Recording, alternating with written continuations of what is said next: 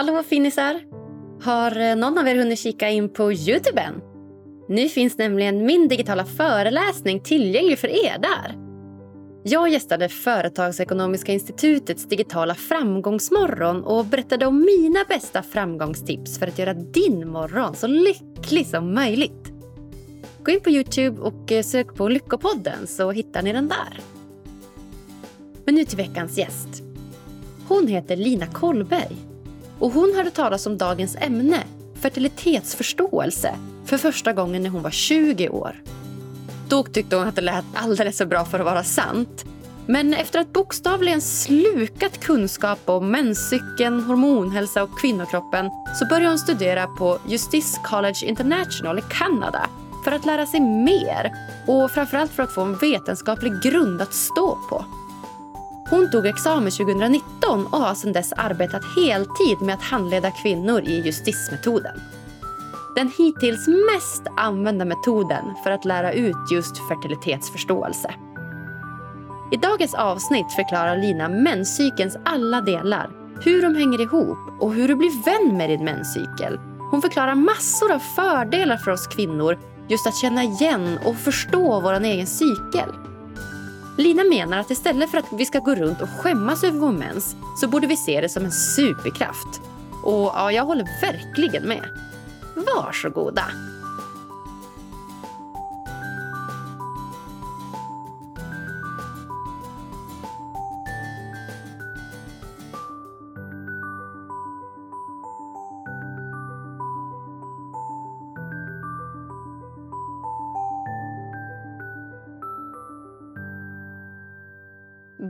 Säger jag varmt välkommen till Lyckopodden, Lina Kollberg.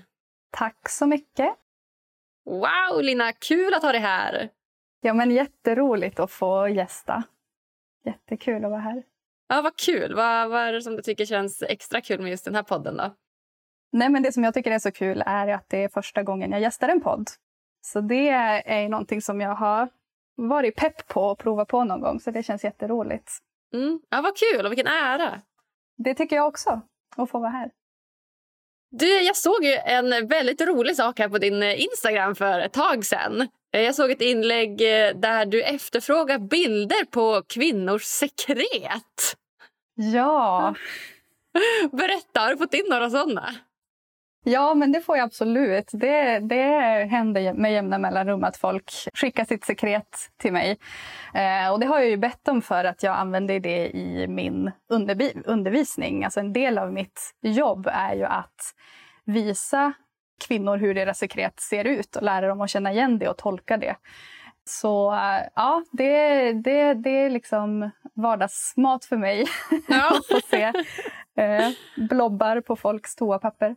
Ja, shit, jag kan typ inte riktigt släppa det. Det känns ju verkligen något som bland det underligaste man kan fråga någon. Du, har du någon bild på ditt sekret?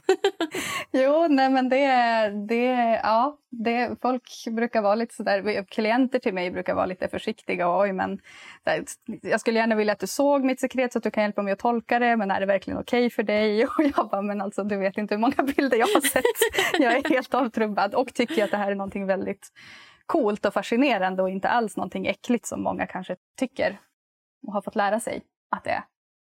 Mm. Ja, men fint. Kul. Ja, jag får se sen om jag går på toa då och får på toapappret ha ett litet sekret så lovar jag att ta en bild och skicka. det är bara att skicka. ja, vad fint. Ja, nej, idag kommer ju ett minst sagt kunskapsrikt avsnitt till framförallt alla tjejer där ute skulle jag vilja säga.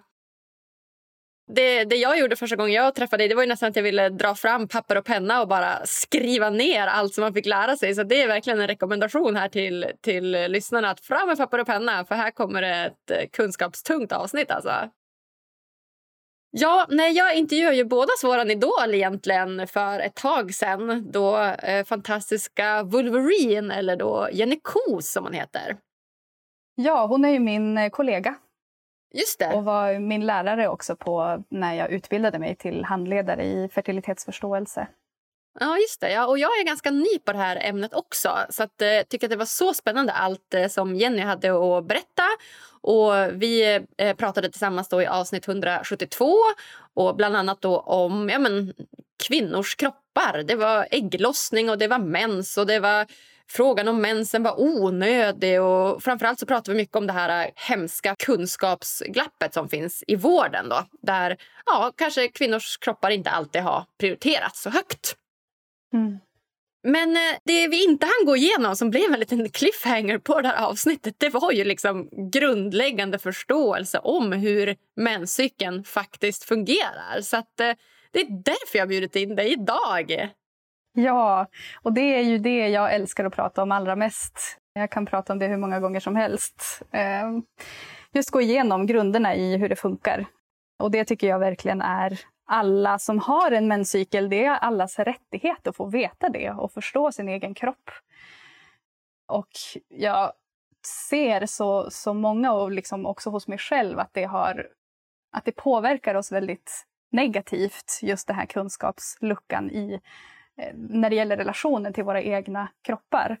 Att det faktiskt gör någonting väldigt speciellt med den relationen när vi får förstå hur det faktiskt fungerar och får förstå att det är någonting väldigt coolt och fint istället för bara någonting jobbigt.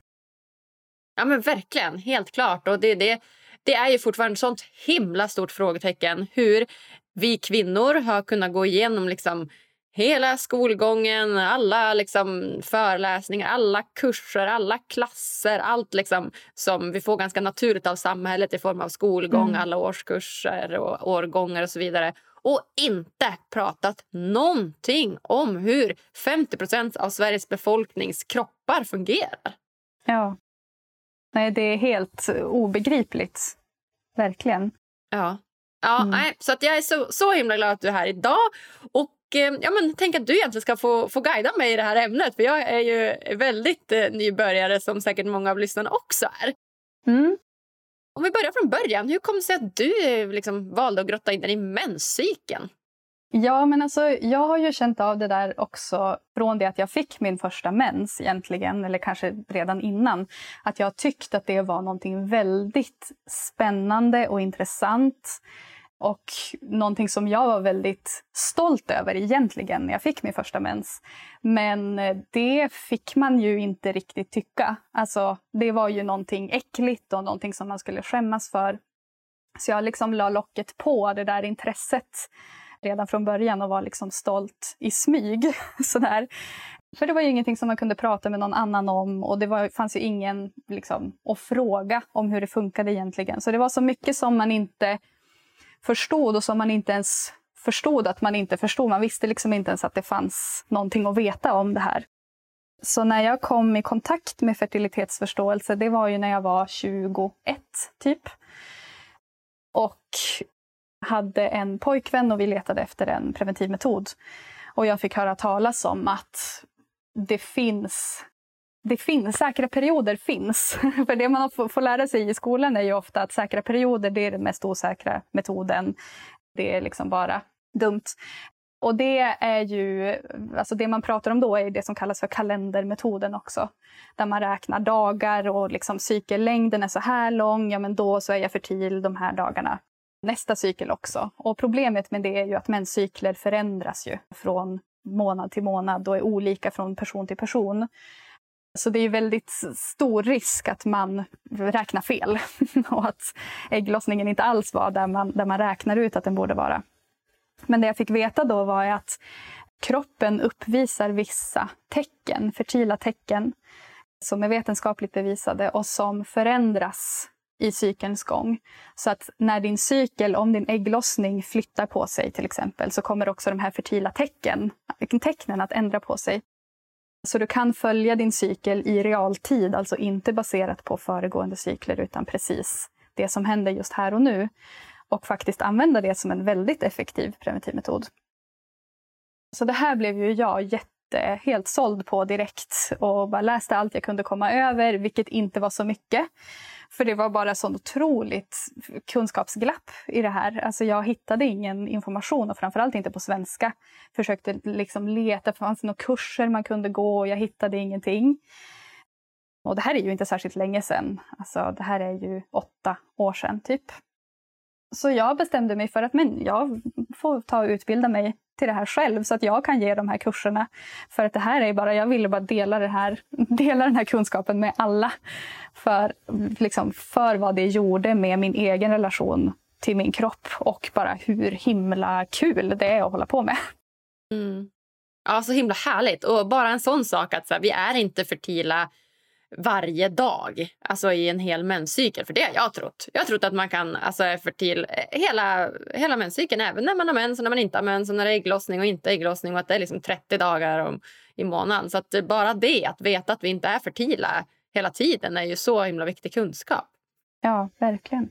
Men var, varför skulle du säga att det är så himla viktigt att, att förstå sin cykel? Då? Vad har det för fördelar? Ja, men var ska jag börja? Jag dricker lite vatten. ja. det gör du rätt i. Jo, men när man har kunskap om sin menscykel så, kan, så är man i en helt annan position att fatta beslut om vad man vill göra med sin cykel. Alltså, man är i en helt annan position att välja preventivmetoder till exempel, förstå hur alla olika preventivmetoder fungerar. Det är ofta där man kommer till mig. Eh, antingen det eller att man vill bli gravid. Där är det ju förstås en otrolig fördel att ha kunskap om när man är fertil. Eh, för eh, ja, hur ska man annars kunna tajma in på ett bra sätt? Mm. Men, men det som alla, skulle jag säga, upptäcker när de börjar kartlägga sin cykel är att nästan den största vinsten med det här är just relationen med kroppen. Att få liksom bygga en bro tillbaka till den här delen av oss själva som är så skambelagd och tabubelagd. Att få prata med varandra om våra cykler och faktiskt dela de upplevelserna. Det är så otroligt empowering att få känna att man blir kompis med sin mens och med sitt sekret. Och att faktiskt, just det här att veta varje dag vad som händer inuti kroppen är väldigt, väldigt coolt. Mm. Så ofta är det ju så att ja, men man använder det här som en preventivmetod under en period i sitt liv men att även när man kanske inte längre behöver det så fortsätter man gärna kartlägga för att just den här att ha den här inblicken i hur kroppen mår är så himla speciellt. För sen är det ju så också att vi förändras ju, alltså vårt mående förändras ju genom cykeln. Så det här blir också ett sätt att förstå, förstå oss själva på flera andra plan. Alltså vad har jag för humör och vad har jag för energinivåer och så vidare. Hur hänger fertilitetsförståelse och lycka ihop? Ja, men för mig så är fertilitetsförståelse väldigt sammankopplat med feminism. Och det är precis det här som jag pratar om nu med, med skammen och skulden och tabut som finns kring våra kroppar. Så länge vi nedvärderar våra kroppar och våra menscykler och inte har någon kunskap om det och inte kan fatta informerade beslut kring det så kan vi vara förtryckta. Så jag tänker att det finns en otrolig kraft i att ha kontakt med den delen av oss själva och kunna bestämma själva och kunna göra precis vad vi vill. Så på det sättet så, så är det ett väldigt, väldigt kraftfullt verktyg, tycker jag, för välmående och lycka.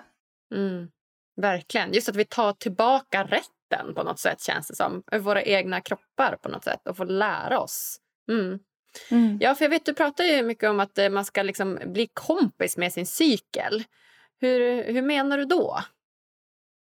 Jo, men för jag tänker att det handlar ju inte nödvändigtvis bara om att bli eller inte bli gravid. Att, att kunna läsa av eh, sin cykel och sin fertilitet. Utan det handlar ju också om just precis det här att, att förstå sin mens, förstå sitt sekret, att vara kompis med sekretet när man ser det och inte bli rädd och tycka att det är äckligt eller tro att det är infektioner eller sådana saker. Utan att Ja, men jag, jag tycker om att, att, prata om det på det sättet att det handlar om att bli kompis med. För att, att den, den, liksom grund, den grunden finns med oavsett vad du sen vill använda det här till. Vill du ha en preventivmetod? Vill du försöka bli gravid? eller kanske ingenting av det. Du kanske bara vill komma för att du är ovän med din menscykel. Och det är någonting som skaver för dig i ditt liv och du vill, du vill bli kompis och försonas med den en gång för alla.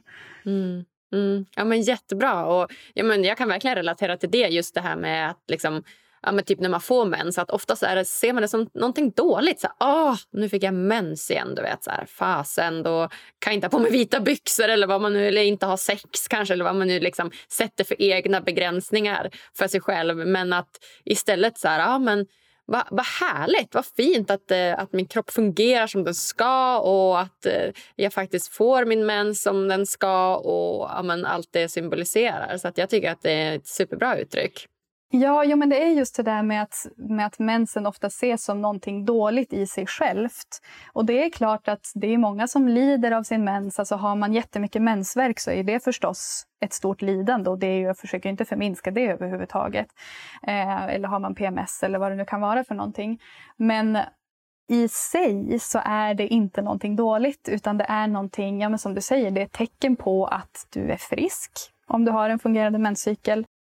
Och ja, det är någonting som är unikt för våra kroppar och någonting som är väldigt speciellt. Och det finns mycket, om man lär sig, lär sig förstå sina faser i cykeln och så, så finns det ju mycket att hämta i det också. Så man kan ta, utnyttja styrkorna i de olika faserna i sitt liv. Så att när jag liksom det, var, det är liksom ett annat mindset, tycker jag. Att när jag insåg att alltså, vore det inte liksom, de cyklerna som jag inte har mensvärk så är det inte alls särskilt jobbigt att ha mens. Alltså mensskydd, ja, men liksom, jag upptäckte menskoppen, det var också en sån där stor uppenbarelse i mitt liv. Så jag bara, men det här är, då är det inte ens jobbigt att hålla på med mensskydd, utan det är bara kul. Ja, just det. Vad härligt. För alltså, den där menskoppen den har jag också hört om så många gånger och inte tagit tag i. Men det måste jag ju göra. Och börja, för det är många som pratar gott om den, så det är klart. Mm. Mm. Ja, kul Lina. Ja, okej. Okay. Men då tänker jag så här, om vi ska grotta in oss lite grann i då hur den här menscykeln fungerar då. Oavsett om du vill bli gravid eller om du inte vill bli gravid så är det som du säger ytterst relevant information att veta. Så att, eh, om vi börjar liksom från början, om vi ska gå, gå igenom hur menscykeln fungerar. Liksom. Vart, vart hade du velat börja då? Ja, absolut. Det, det, det första jag vill säga då är ju att det som jag går igenom nu kommer ju inte gå att använda som en preventivmetod. Utan det finns ju olika metoder då för fertilitetsförståelse med olika regler, olika sätt att observera de här fertila tecknen. Så när jag lär ut det så gör jag ju det under ett halvårs tid med en och samma person. Mm. Så det är en väldigt omfattande Don't try this at home. Nej, precis. Utan det här är just bara den här förståelsen för hur kroppen funkar. Mm. Och det jag också skulle vilja säga om det är att det är faktiskt relevant. Alltså din fertilitet är relevant för dig även om du aldrig vill bli gravid. Eller om liksom hela det, liksom bli gravid eller inte, spelar ingen roll för dig just nu. Eller du kanske inte ens är heterosexuell eller så. För att fertiliteten är kopplad till din hälsa. Och liksom för din, din kropp vill reproducera sig oavsett vad du vill. Så när kroppen mår bra så kommer också fertiliteten att vara stark och robust. Medan mår du inte så bra så kommer kroppen nedprioritera din fertilitet. Så att fertilitet angår oss alla. Sen kan vi välja vad vi vill göra med den. Mm. Men det kan vara intressant att tänka på i alla fall. Jättebra. Mm. Jättebra. Men jag tänker att vi börjar i början av cykeln på dag ett i menscykeln och det är mensens första dag. Så när du får din mens då startar en ny menscykel. Och det som händer i kroppen då är att dina hormonnivåer ligger väldigt lågt. Och de hormonerna som jag pratar om då är östrogen och progesteron, så det är våra primära könshormoner. De ligger väldigt lågt under mensen. Och då så finns det ett ställe i hjärnan som kallas för hypotalamus som läser av det. Så fertiliteten styrs från hjärnan. Det är hjärnan som kommunicerar med äggstockarna hela tiden via de här olika hormonerna och berättar vad äggstockarna ska göra. Så hjärnan känner då av att här är det väldigt låga hormonnivåer. Så då skickar den ut en signal om att sätta igång ett nytt gäng folliklar. Och folliklar är som blåsor kan man säga, eller äggskal kan man tänka på det som, som äggen ligger inuti i äggstockarna. Så de liksom, det sätts igång ett gäng då i början av cykeln som börjar på att växa. Och medan de här folliklarna växer så tillverkar de östrogen. Så östrogenet som vi har i kroppen kommer i huvudsak från just de här växande folliklarna. Och östrogen har ju väldigt många, väldigt många olika funktioner i kroppen. Men, men vad gäller menscykeln så en sak som det gör är att det stimulerar cervix. Alltså cervix är det som kallas för livmodertappen också, eller livmoderhalsen som sitter liksom nedre delen av livmodern. Man kan känna den om man sticker in ett finger i vaginan så sitter den högst upp som en liten, eh, som en liten boll med ett hål i, typ. Mm. Eh, cervix eh, heter den. Och den börjar tillverka sekret när vi har östrogen i omlopp. Och det är det här sekretet som man då kan lära sig att känna igen. För att det kommer, liksom när, ju högre östrogen desto högre vattenhalt har det här sekretet. Så det kommer liksom rinna ner ur cervix och gå att hitta vid slidmynningen.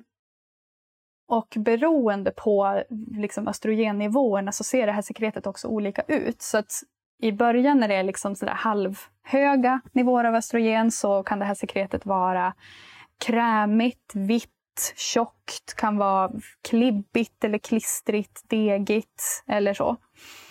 Lite som en handkräm kanske, eller någon sorts deg. Ja, ja, ja. Eh. Men om vi stannar där då, det här sekretet. Ja. ja. Okej, okay, så att då, ja, dag ett skriva ner liksom mensens första dag och sen börjar producera de här foniklarna och hormonerna är låga och så vidare. och så vidare. Hur lång tid Liksom, för se, man brukar väl ha mens ungefär är det en vecka, typ sju dagar? Ja, tre, tre till sju dagar är ja. det normala. Mm. Just det. Och sen då, hur lång tid, går det att säga så ungefär, liksom, hur lång tid från att man har haft då färdigt sin mens tills liksom, det här sekretet har bildats? Hur mm. lång tid är det? Mm. Det är det här som är det intressanta. För att den här fasen i cykeln, från mensen och fram till ägglossningen som vi nu är på väg mot, den är väldigt varierande i tid. Så den kan ändra sig väldigt mycket från person till person och också för en och samma person. Mm. Så det är den här fasen som är som liksom står för den variationen i cykellängd. Just det. Och då är man fertil?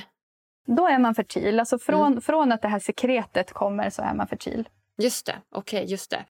För att det som det här sekretet, liksom funktionen med det här sekretet är att det ska hjälpa spermier att hålla sig vid liv tillräckligt länge för att kunna befrukta ett ägg. Det finns den här berättelsen i vår kultur om spermier som kommer in och erövrar och de har ett lopp fram till ägget och den som hinner först är den som får befrukta. Men det här är inte riktigt så det går till för att om vi inte hade sekretet så skulle spermierna inte ens kunna klara sig. De kommer inte in. Och vi har en, en miljö i vår vagina som är väldigt bra för vår vagina men väldigt dålig för spermier. Så den dödar spermier helt enkelt. Okej, okay, Den är liksom spännande. en spermiedödarmaskin. Ja, när vi inte har det här sekretet då. För sekretet kommer där och det ändrar på pH och det, det liksom innehåller näringsämnen och grejer som spermier behöver. Och det bildar gångar som spermierna kan simma igenom. Så de kan simma upp in i cervix och vänta där i upp till fem dagar på att det ska bli en ägglossning och komma ett ägg. Så den fertila tiden är ju framförallt den som är före ägglossningen. Och det som är lurigt med det är ju att ägglossningen kan komma lite när som helst. Den kan komma väldigt tidigt en cykel, det kan komma väldigt sent en annan cykel. Så det vet man ju aldrig i förväg. Det är därför kalendermetoden inte funkar.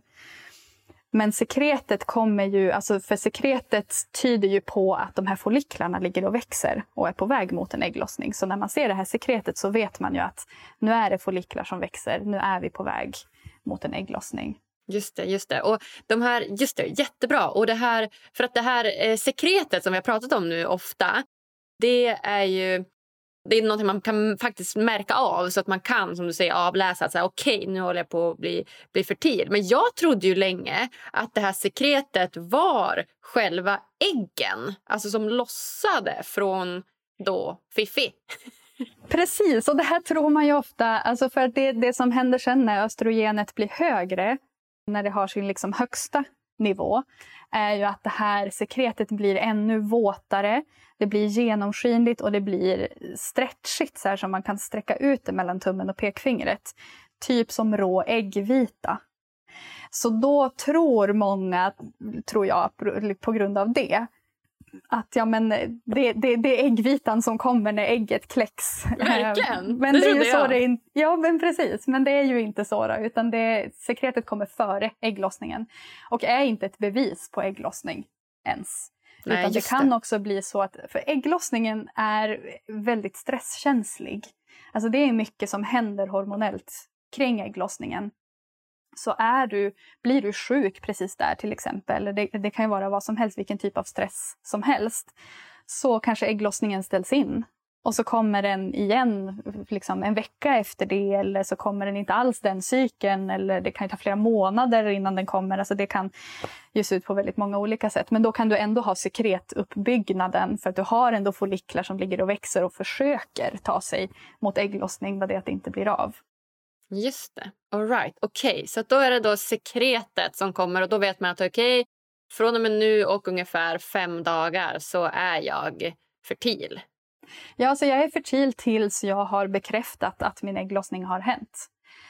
Och det är ju ofta så brukar det vara omkring en vecka. Men som sagt, om, om ägglossningen av någon anledning skulle bli uppskjuten så blir det ju längre tid. Så det som händer till slut då är att östrogenet når en väldigt, liksom, sin högsta punkt. Och hjärnan återigen då läser av det och känner att okej, okay, men vid så här mycket östrogen måste det finnas en follikel som är stor nog och redo att kläcka. Så då skickar hjärnan en annan signal till äggstockarna om att ägglossa. Så follikeln brister och ägget åker iväg och fångas upp av äggledaren. Och det är då i äggledaren som det stöter på spermier om det skulle bli en befruktning. När ägget har blivit lossat så lever det i ungefär ett dygn bara. Så det är liksom bara under det väldigt korta fönstret som det faktiskt kan bli befruktat. Mm -hmm. Men som sagt, de spermier som då befruktar det kan ju ha funnits redan i fem dygn inuti cervix och väntat. Just det, okej. Okay. Mm. Mm. Just det, spännande. Så egentligen är det ju ett ett, ett kort, det är ju väldigt, väldigt kort fönster om man tänker liksom en, en månad. Mm. Exakt, och det är därför som, som det här sekretet är så livsviktigt. Alltså det är ju det som förlänger det här fertila fönstret till att vara fem dagar före ägglossningen också. För att kunna liksom, ja men att man i alla fall ska ha de här sex dagarna på sig då och ligga och att det ska ha liksom hunnit komma in några spermier som, som väntar runt. För det blir för svårt att pricka in annars om det bara skulle vara ett dygn. Ja, och jag tänker på det också att om du, som du säger, att om den här psyken cykeln är så pass stresskänslig, alltså är så pass känslig för stress, så kan jag bara tänka mig vad det då gör liksom av med att stoppa i sig massa olika liksom piller och tabletter eller hormoner. Alltså om det redan är så stresskänsligt så kommer vi och ska proppa med allt annat för att stänga av och ändra om liksom hela kroppens funktioner. Så bara där kan man förstå varför det finns så pass stora biverkningar på de ja, men, olika metoderna som finns idag för att inte bli gravid. Så, mm. Precis, och varför folk har så mycket problem med sina menscykler. Ja, precis. Mm. Exakt. Och mm. Jag vet inte hur det ser ut med typ Ja, men är det, hur ser det ut med så barnafödande och sånt? Alltså är det liksom, om man tänker att bli fertil, är det, är det vanligt att inte kunna bli fertil idag? Alltså att inte kunna få barn idag om man vill det? Ja, nu har inte jag någon statistik på det så jag vill inte uttala mig supertydligt men, men det, jag vet att mina liksom, kollegor eller gamla mentorer som har jobbat med det här väldigt länge har sett liksom, en gradvis ökning av infertila eller subfertila menscykler. Eh, och att det har blivit folk har fått mer problem med att bli gravida. Och spermiekvaliteten också ser vi ju att den går ner. Så det gäller ju absolut inte bara kvinnor, utan det Nej. gäller alla. Mm. Ja, verkligen. Det är verkligen någonting att, att, att, tänka på. Det är något som man verkligen förstår när man proppar i sig massa olika preparat för att stänga av sin, sin menscykel. Så att, eh, jag tänker att det här verkligen kan då hjälpa en ifall det är så att man är ofrivilligt eh, barnlös eller någonting. Att, man, ja, att det här faktiskt är en metod att, att kunna hjälpa. Mm. Ja, spännande. Just det. Mm. Okej, okay, right. men är du med så här långt? Ja, det, men det är jag. Det är jag. jag vi är ungefär någonstans har man gått halvvägs. Eh, ja, precis. Lite mer vi är vid ägglossningen. Ja, mm. men precis. Mm. Ja, men så den här fasen den kallas för follikelfasen, alltså den, den, fasen från mensen och fram till ägglossningen. Den kan alltså ändra sig väldigt mycket i tid. Det man brukar säga är ju, ja men har du en 28 dagars cykel så är ägglossningen på dag 14. Det är ofta det man får höra, men det går inte att säga så. Alltså det är någon sorts medelvärde bara, eller liksom att det är enkelt att förklara på det sättet. Men alltså ägglossningen kan komma på dag 7 och den kan komma på dag 130. Liksom. Så, så den här är liksom den instabila perioden i cykeln. Efter det så kommer lutealfasen, den ska vi prata om nu lite grann. Och den är väldigt stabil. Den är ungefär två veckor i varje cykel. Så det som händer då är att ägget har åkt iväg och blivit befruktat eller inte. Men det som händer i äggstocken är ju att den här gamla follikeln finns ju kvar. Och den blir då ombildad till någonting som kallas för gulkropp. Och den här gulkroppen den tillverkar progesteron. Så då går vi över till det här andra hormonet som blir det dominant, alltså liksom östrogen är dominant i första fasen och så progesteron i den andra fasen. Och progesteron har helt andra effekter i kroppen. Det som det gör med sekretet är att det torkar upp. Så det slutar liksom rinna ut sekret ur slidan och kommer kännas torrt istället. Och det här kan man ju uppleva som en väldigt tydligt skifte från det här väldigt liksom halkiga och glatta genomskinliga sekretet till att det är liksom helt snustort vid slidöppningen. Det tydliga skiftet är ju ett, ett tecken på att ägglossningen har varit, inte ett bevis återigen då, men, men det är i alla fall ett tecken på att det kan vara så. Det som också händer är att vår kroppstemperatur går upp några tiondelars grad. Så det är det här man använder, om man använder natural cycles och tar tempen varje morgon så är ju det det här man mäter då att progesteronet får temperaturen att höjas. Så ser vi den här höjningen, då är det ett bevis på att vi har ägglossat. Just det, ja, den har man ju hört om. Mm. Mm, precis. Och det handlar om några tiondelars grad, det är inte särskilt mycket men, men det går att se väldigt tydligt om man har en termometer som är gjord för att mäta just det här. Så den kommer då fortsätta vara hög under hela lutealfasen, alltså från ägglossningen och fram till nästa mens. Och då kan man se väldigt tydligt också ofta att temperaturen sjunker typ dagen innan eller samma dag som man får mens. Så på det sättet kan man också bli varnad för att nu kommer faktiskt mensen. Eh, och det är en liksom extra så här, trevlig bieffekt av att hålla på med det här. Eh, och också just det då att för att gulkroppen då är det som, som liksom producerar progesteron. Den har en viss livslängd och det är ungefär två veckor. Om du skulle bli gravid så skulle det gå en signal till den om att fortsätta producera progesteron. För det ska man göra då under hela graviditeten. Men om det inte händer så kommer den att börja självdö. Och hormonerna kommer att sjunka. Och liksom progesteronet kommer att sjunka, tempen kommer att sjunka. Och då vet du att en ny mens är på väg. Mm. Och den här mensen då, vad är det för någonting? Är det den här gulkroppen då eller? Nej, Nej. Eh, det som det också gör, alltså både östrogen och progesteron faktiskt får slemhinnan som sitter inuti livmodern att växa. Så liksom inuti livmodern så, så sitter en slemhinna, kallas för endometrium. Och den eh, växer under menscykeln och den liksom, det här är ju det stället som ett befruktat ägg ska fästa sig om det skulle bli något. Så den bygger liksom upp sig och förbereder sig för en graviditet varje cykel. Och det är just de här hormonerna, östrogen och progesteron, som håller den på plats. Så blir det ingen graviditet och liksom gulkroppen börjar dö så sjunker hormonerna och då rycks liksom den hormonmattan undan.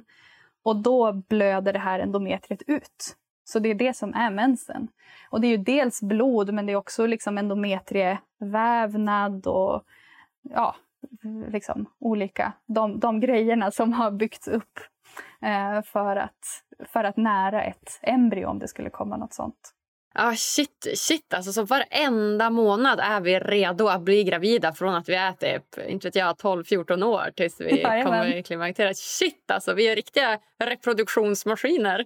ja, precis. Men män då som tillverkar spermier liksom dygnet runt varje dag, de är ju fertila 24-7 från det. puberteten och resten av livet. Så det är ju också stor produktion på gång där. Ja, verkligen. Shit alltså, våra kroppar, vad coola de är. Mm. Ja. Men det som också är spännande med det här är att, som jag sa nu, att lutealfasen är stabil i sin längd. Att det här om mensen är sen, eller om man har oregelbundna cykler eller liksom mensen är sen och jag är inte gravid, vad är det som händer? Nej, men det är inte mensen som är sen, utan det är ägglossningen som är sen. Ah. För ägglossningen är ju det som kan flytta på sig framåt och bakåt i cykeln. Men när du väl har haft din ägglossning så plussar du på din lutealfaslängd som brukar vara liksom var, lika lång för en och samma person. Och då vet du när du kommer få din mens. Så det är också ett sätt att vara verkligen, att, att kunna förutse när mensen kommer.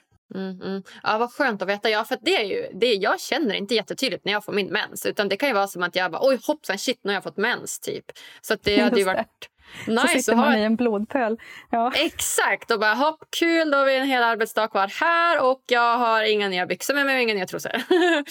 Nej, men, så eh, det är ju skitbra om man kan få liksom, ja, men använda de här eh, temperaturen då och mäta så att man ser att när den förändras, ja, men då är det dags att eh, sätta in mig vad heter det? äggkoppen, eller vad säga, menskoppen. eller, eller tampong eller vad man nu vill använda. ja. Ja, men spännande. All right. Och när i den här cykeln då kan man få liksom störst påverkan på, på humöret? Då? Man tänker ju så här, man oftast får höra så här, men då, nu har jag PMS. typ. Va, va, mm. när, hur, är liksom, hur, hur skiftar humöret i de här olika faserna? Det är väldigt individuellt förstås. Och det är ju inte alla som har PMS och det är ingenting som, man, som liksom ingår automatiskt i en menscykel. Men har man det så har man ju det före mensen. Det är det det betyder. Premenstruellt syndrom, eh, PMS. Så det är under lutealfasen. Men liksom, oavsett om man har det eller inte så kan man ju ändå märka av skillnader i humöret. Det behöver inte vara ett problem för att man ska märka av det. Så det är väldigt många som känner, ja men under mensen kan man också ofta känna att man vill ta det lugnt och inte hålla på liksom vara ute och flänga så mycket kanske. Sen eh, under follikelfasen och precis vid ägglossningen så är det vanligt att man känner sig att man har hög energi, man har mycket sexlust, man är social och liksom utåt, vad heter det? Extrovert. Eh, och vill liksom, ja, hög energi, explosiv, explosiv energi brukar det vara då. Eh, Medan i lutealfasen att man kan vara mer lugn och samlad och fokuserad och liksom, då avslutar man alla de här projekten som man bara så påbörjade hejvilt i, i follikelfasen. Just så, men det här är ju som sagt det här är så himla individuellt och det här är också en väldig liksom, fördel med fertilitetsförståelse. Att när du kartlägger din cykel så kan du också kartlägga ditt humör. Och det är ju, jag vet ju många till exempel som inte ens visste att de hade PMS-problem förrän de började skriva ner. Alltså man trodde kanske att man var bipolär. Men så börjar man skriva ner och upptäcker att men det är ju alltid fem dagar före mensen. Men det behöver ju som sagt inte vara så stora problem heller. Det behöver inte vara problem. Det kan bara vara just det där att ja, men vet jag om att jag blir jätte liksom, karismatisk vid ägglossning, ja men boka in möten den veckan. Eller liksom att man faktiskt kan lära känna sig själv på det sättet och anpassa sitt liv efter det. Mm, ja, men alltså snacka om fördel. Och det är därför det här förlegade arbetssystemet inte heller passar för någon. Alltså det här med ja, att du ska jobba 8-17 varje dag och jag har lunch mellan 12 och 1 varje dag. Och Det är väldigt status och, och liksom pass, ska vara hela tiden samma sak hela månaden och alla månader. To, alltså 11 av 12 månader per år. Och sen mm. har vi en kropp som bara förändras så här liksom varje månad från liksom dag till dag Så det är, ja, det är verkligen något man borde Ja, men- ta mer hänsyn till. Ja, men det är ju anpassat efter män, det systemet. Det är anpassat efter män. Helt sant. Mm. Ja. Inte okej.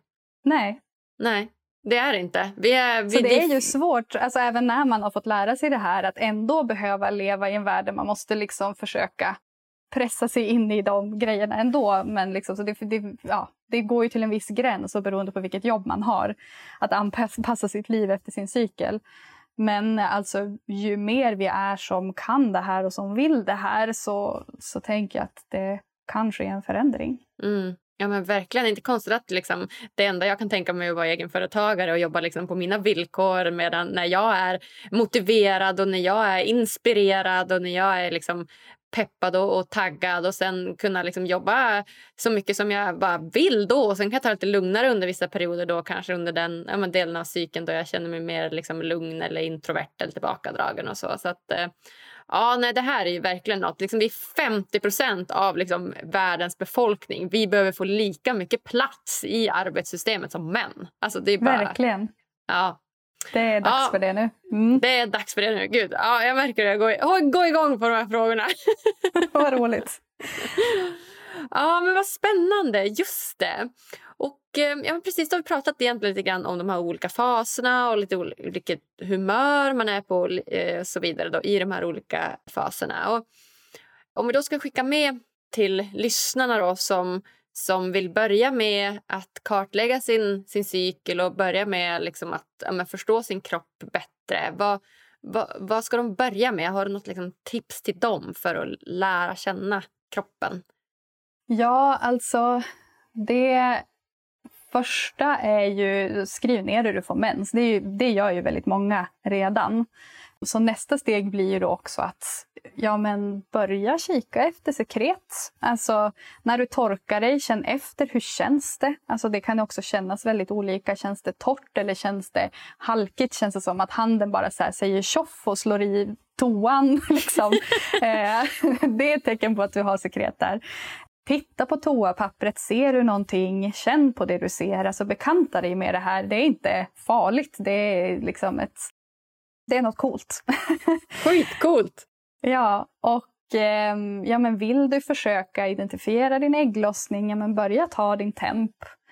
Det finns ju olika termometrar då som är gjorda för det. Alltså det går inte att använda en vanlig febertermometer utan det ska vara en basalkroppstermometer som det heter då. Basal body thermometer som då kan mäta av det här. Och det tempen, den, den tempen tar man ju direkt på morgonen när man har vaknat. Så kan, kan man skriva ner den gärna i en, i en graf, liksom, inte bara anteckna i kalendern för då får man liksom inte den här överblicken. Utan liksom skriv det, ner det i, i någon sorts karta och se. Vill man börja kartlägga sin cykel, prova på, liksom, känna igen sitt sekret, ta sin temperatur, räkna ut sitt temperaturskifte och så, så har jag en eh, onlineföreläsning på boon.tv. Vi lägger väl en länk till det i profil eller i vad, heter det? Texten, absolut. ja. Ja, avsnittstexten, jättebra. Där jag går igenom just precis igen då menscykeln men också hur ser sekret ut? Hur kan man titta efter det? Hur ser temperaturskiften ut? Vad ska man använda för karta? Ja, men alla de sakerna, bara så att man kan sätta igång. Och sen vill man lära sig en metod och vill man ha en preventivmetod eller vill ha hjälp med att bli gravid och hur man kan tänka då så har jag ju kurser i justismetoden. Så då kan man läsa på min hemsida fertilitetskoll.se. Mm. Gud vad bra. Ja, så himla bra, jättebra. Just den här startup online-föreläsningen på Boon, den tror jag Mm. Kommer att bli så ja, men bra. Den är väldigt bra, för den är, det, är liksom, ja, men det är en och en halv timme, kostar inte jättemycket. Det är ett bra sätt att sätta igång. Ja, ja, Mm. ja men absolut. Ja, men super, jättebra. Så rent ja, men sammanfattningsmässigt då, om man liksom är kvinna och vill börja kartlägga sin cykel, förstå sitt mående, förstå sin hälsa och bli lite lyckligare, ska jag säga. Så skulle jag då börja med att skriva ner mensens första dag, kolla efter sekret och då vet man att nu är ägglossning på väg. Under den här perioden så är jag fertil. Och också då ta tempen och göra det varje dag, gärna på morgonen och inte med en vanlig febertermometer utan en sån här basalkroppstermometer. Då har man liksom tre första steg som man kan börja med då om man vill lära känna sin kropp. Det är toppen. Precis. Och det fjärde skulle jag vilja lägga till då att skriv också ner hur du mår på samma ställe. Så att du kan börja följa just de här humörskiftningarna och se ifall att det hittar du något intressant mönster för just dig som, du kan, som kan hjälpa dig att förstå dig själv. Ja, jättebra. Så himla bra. Jättebra. Tack snälla Lina för det här. Ja, men tack själv. Ja, men du, då tänker att vi hoppar in på de här sista frågorna då, eh, du och jag, innan vi lämnar varandra. Mm. Och eh, den första frågan är ju då, vad gör dig riktigt lycklig? Ja, då måste jag säga att det är folkdans. Oh. alltså, det finns få saker som är så liksom som är så härliga som att dansa polska med en riktigt liksom, bra danspartner och få gå in i polskesnurren. Det är liksom, då kan jag få en sån här lyckorus. Mm, vad kul! Fast folkdans. Jag ser mig framför oss i såna eh, Sverigedräkter nästan som man har på typ, eh, hade förut förr i tiden på typ midsommar. Man du vet, dansar runt och du vet, så här, armkrok snurrar runt och sånt. Är det så? Eller? Det nej, det är inte nej. så. Det är, det är vanlig missuppfattning. Det är inte riktigt så det ser okay, ut. Okay. Nej, men jag har eh, spelat fiol i, i hela mitt liv och varit, varit liksom i folkmusikvärlden. Och det är fantastisk musik och jätterolig dans. Så det är... Mm. Härligt. Är det något du gör liksom regelbundet någon gång i veckan? Sådär, eller? Ja, alltså är det inte pandemi så gör jag det. Vi har ju ett dans, en dansgrupp här i, i Umeå för unga folkdansare. Så det, det brukar jag göra en gång i veckan när man får göra det. Det, det är en sån där, sätter liksom guldkant på tillvaron och få komma och dansa en mm. gång i mm. veckan i alla fall. Mm. Mm. Ja, vad kul, vad kul. Vilket är ditt bästa lyckotips? Gör det du vill göra och inte det som du tror att andra tycker att du borde göra. Eller det som samhället säger att du borde göra eller det som alla andra gör. Utan det som, gör det som känns rätt i din mage och i ditt hjärta. Mm. Mm, mm. Jättebra. Och lyssna mer på kroppen och det som, som känns rätt. Och inte då tillbaka till det, här, det som borde vara rätt och eh, ska vara rätt utan det som, som, som känns rätt för dig. Det är ju så himla viktigt. Ja, och det är liksom, jag har tränat på det där i mitt vuxna liv och tycker att det har lett mig till så himla till att jag är på en så himla bra plats just nu. Att jag har precis det liv som jag vill ha. Just att jag har, jag har gått emot när andra, när andra har tyckt att men vad håller du på med nu? Så har jag känt att nej men jag vet inte vad jag håller på med men jag vet att det är rätt. Mm. Och sen så har det också lett mig till rätt ställe. Så det är verkligen någonting som jag, som jag försöker gå tillbaka till ständigt. Ja, gud vad jag känner igen mig i det där också nu när jag är liksom i i, i nu leta jobbfasen eller liksom leta nya liksom, amen, inkomster. Att så här, gud vad jag dras hela tiden till, till normen och hur jag verkligen kämpar för att, att stå emot och lyssna på mitt hjärta. Och, och jag, jag har exakt den känslan. Så här, ja, nej, jag vet inte riktigt vart jag ska men jag vet att det är rätt i alla mm. fall. Mm. Mm. Det, det är som skönt att kunna vila i det. Ja, men verkligen. Mm. Ja, men vad fint. Lycka till på den mm. vägen, Agnes. Mm. Ja, tack snälla du. Tack.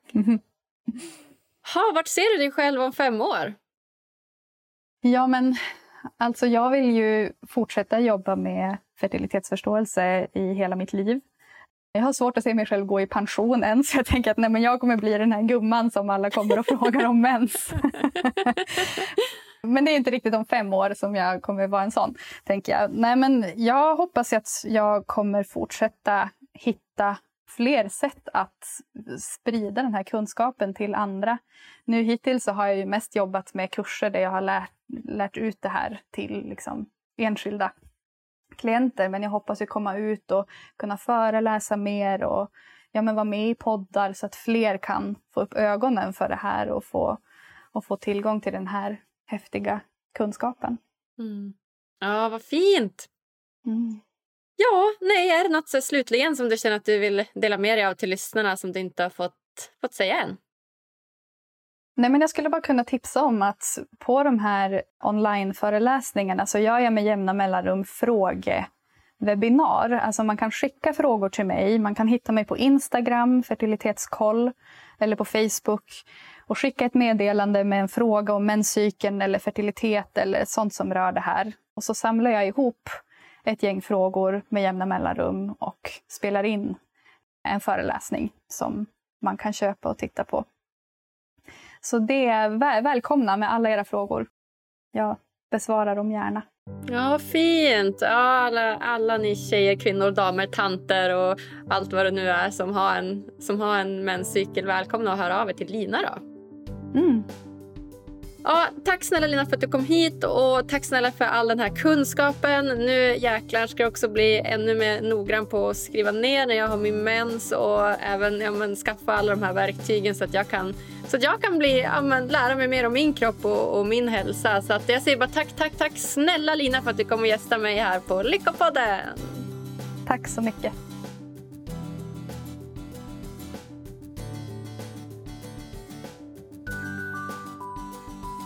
Men så himla bra, hörni.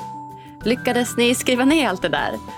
Ja, om inte så finns ju självklart avsnittet kvar i din favoritpoddspelare. Så att, eh, du kan gå tillbaka och lyssna vid behov. Men hur bra var inte det där? Att lära sig mer om menscykeln och de olika delarna. Helt sjukt att jag inte vet mer om det sen tidigare. Ja, tack snälla Lina för att du valde att dela med dig av din fantastiska kunskap. Så himla värdefullt.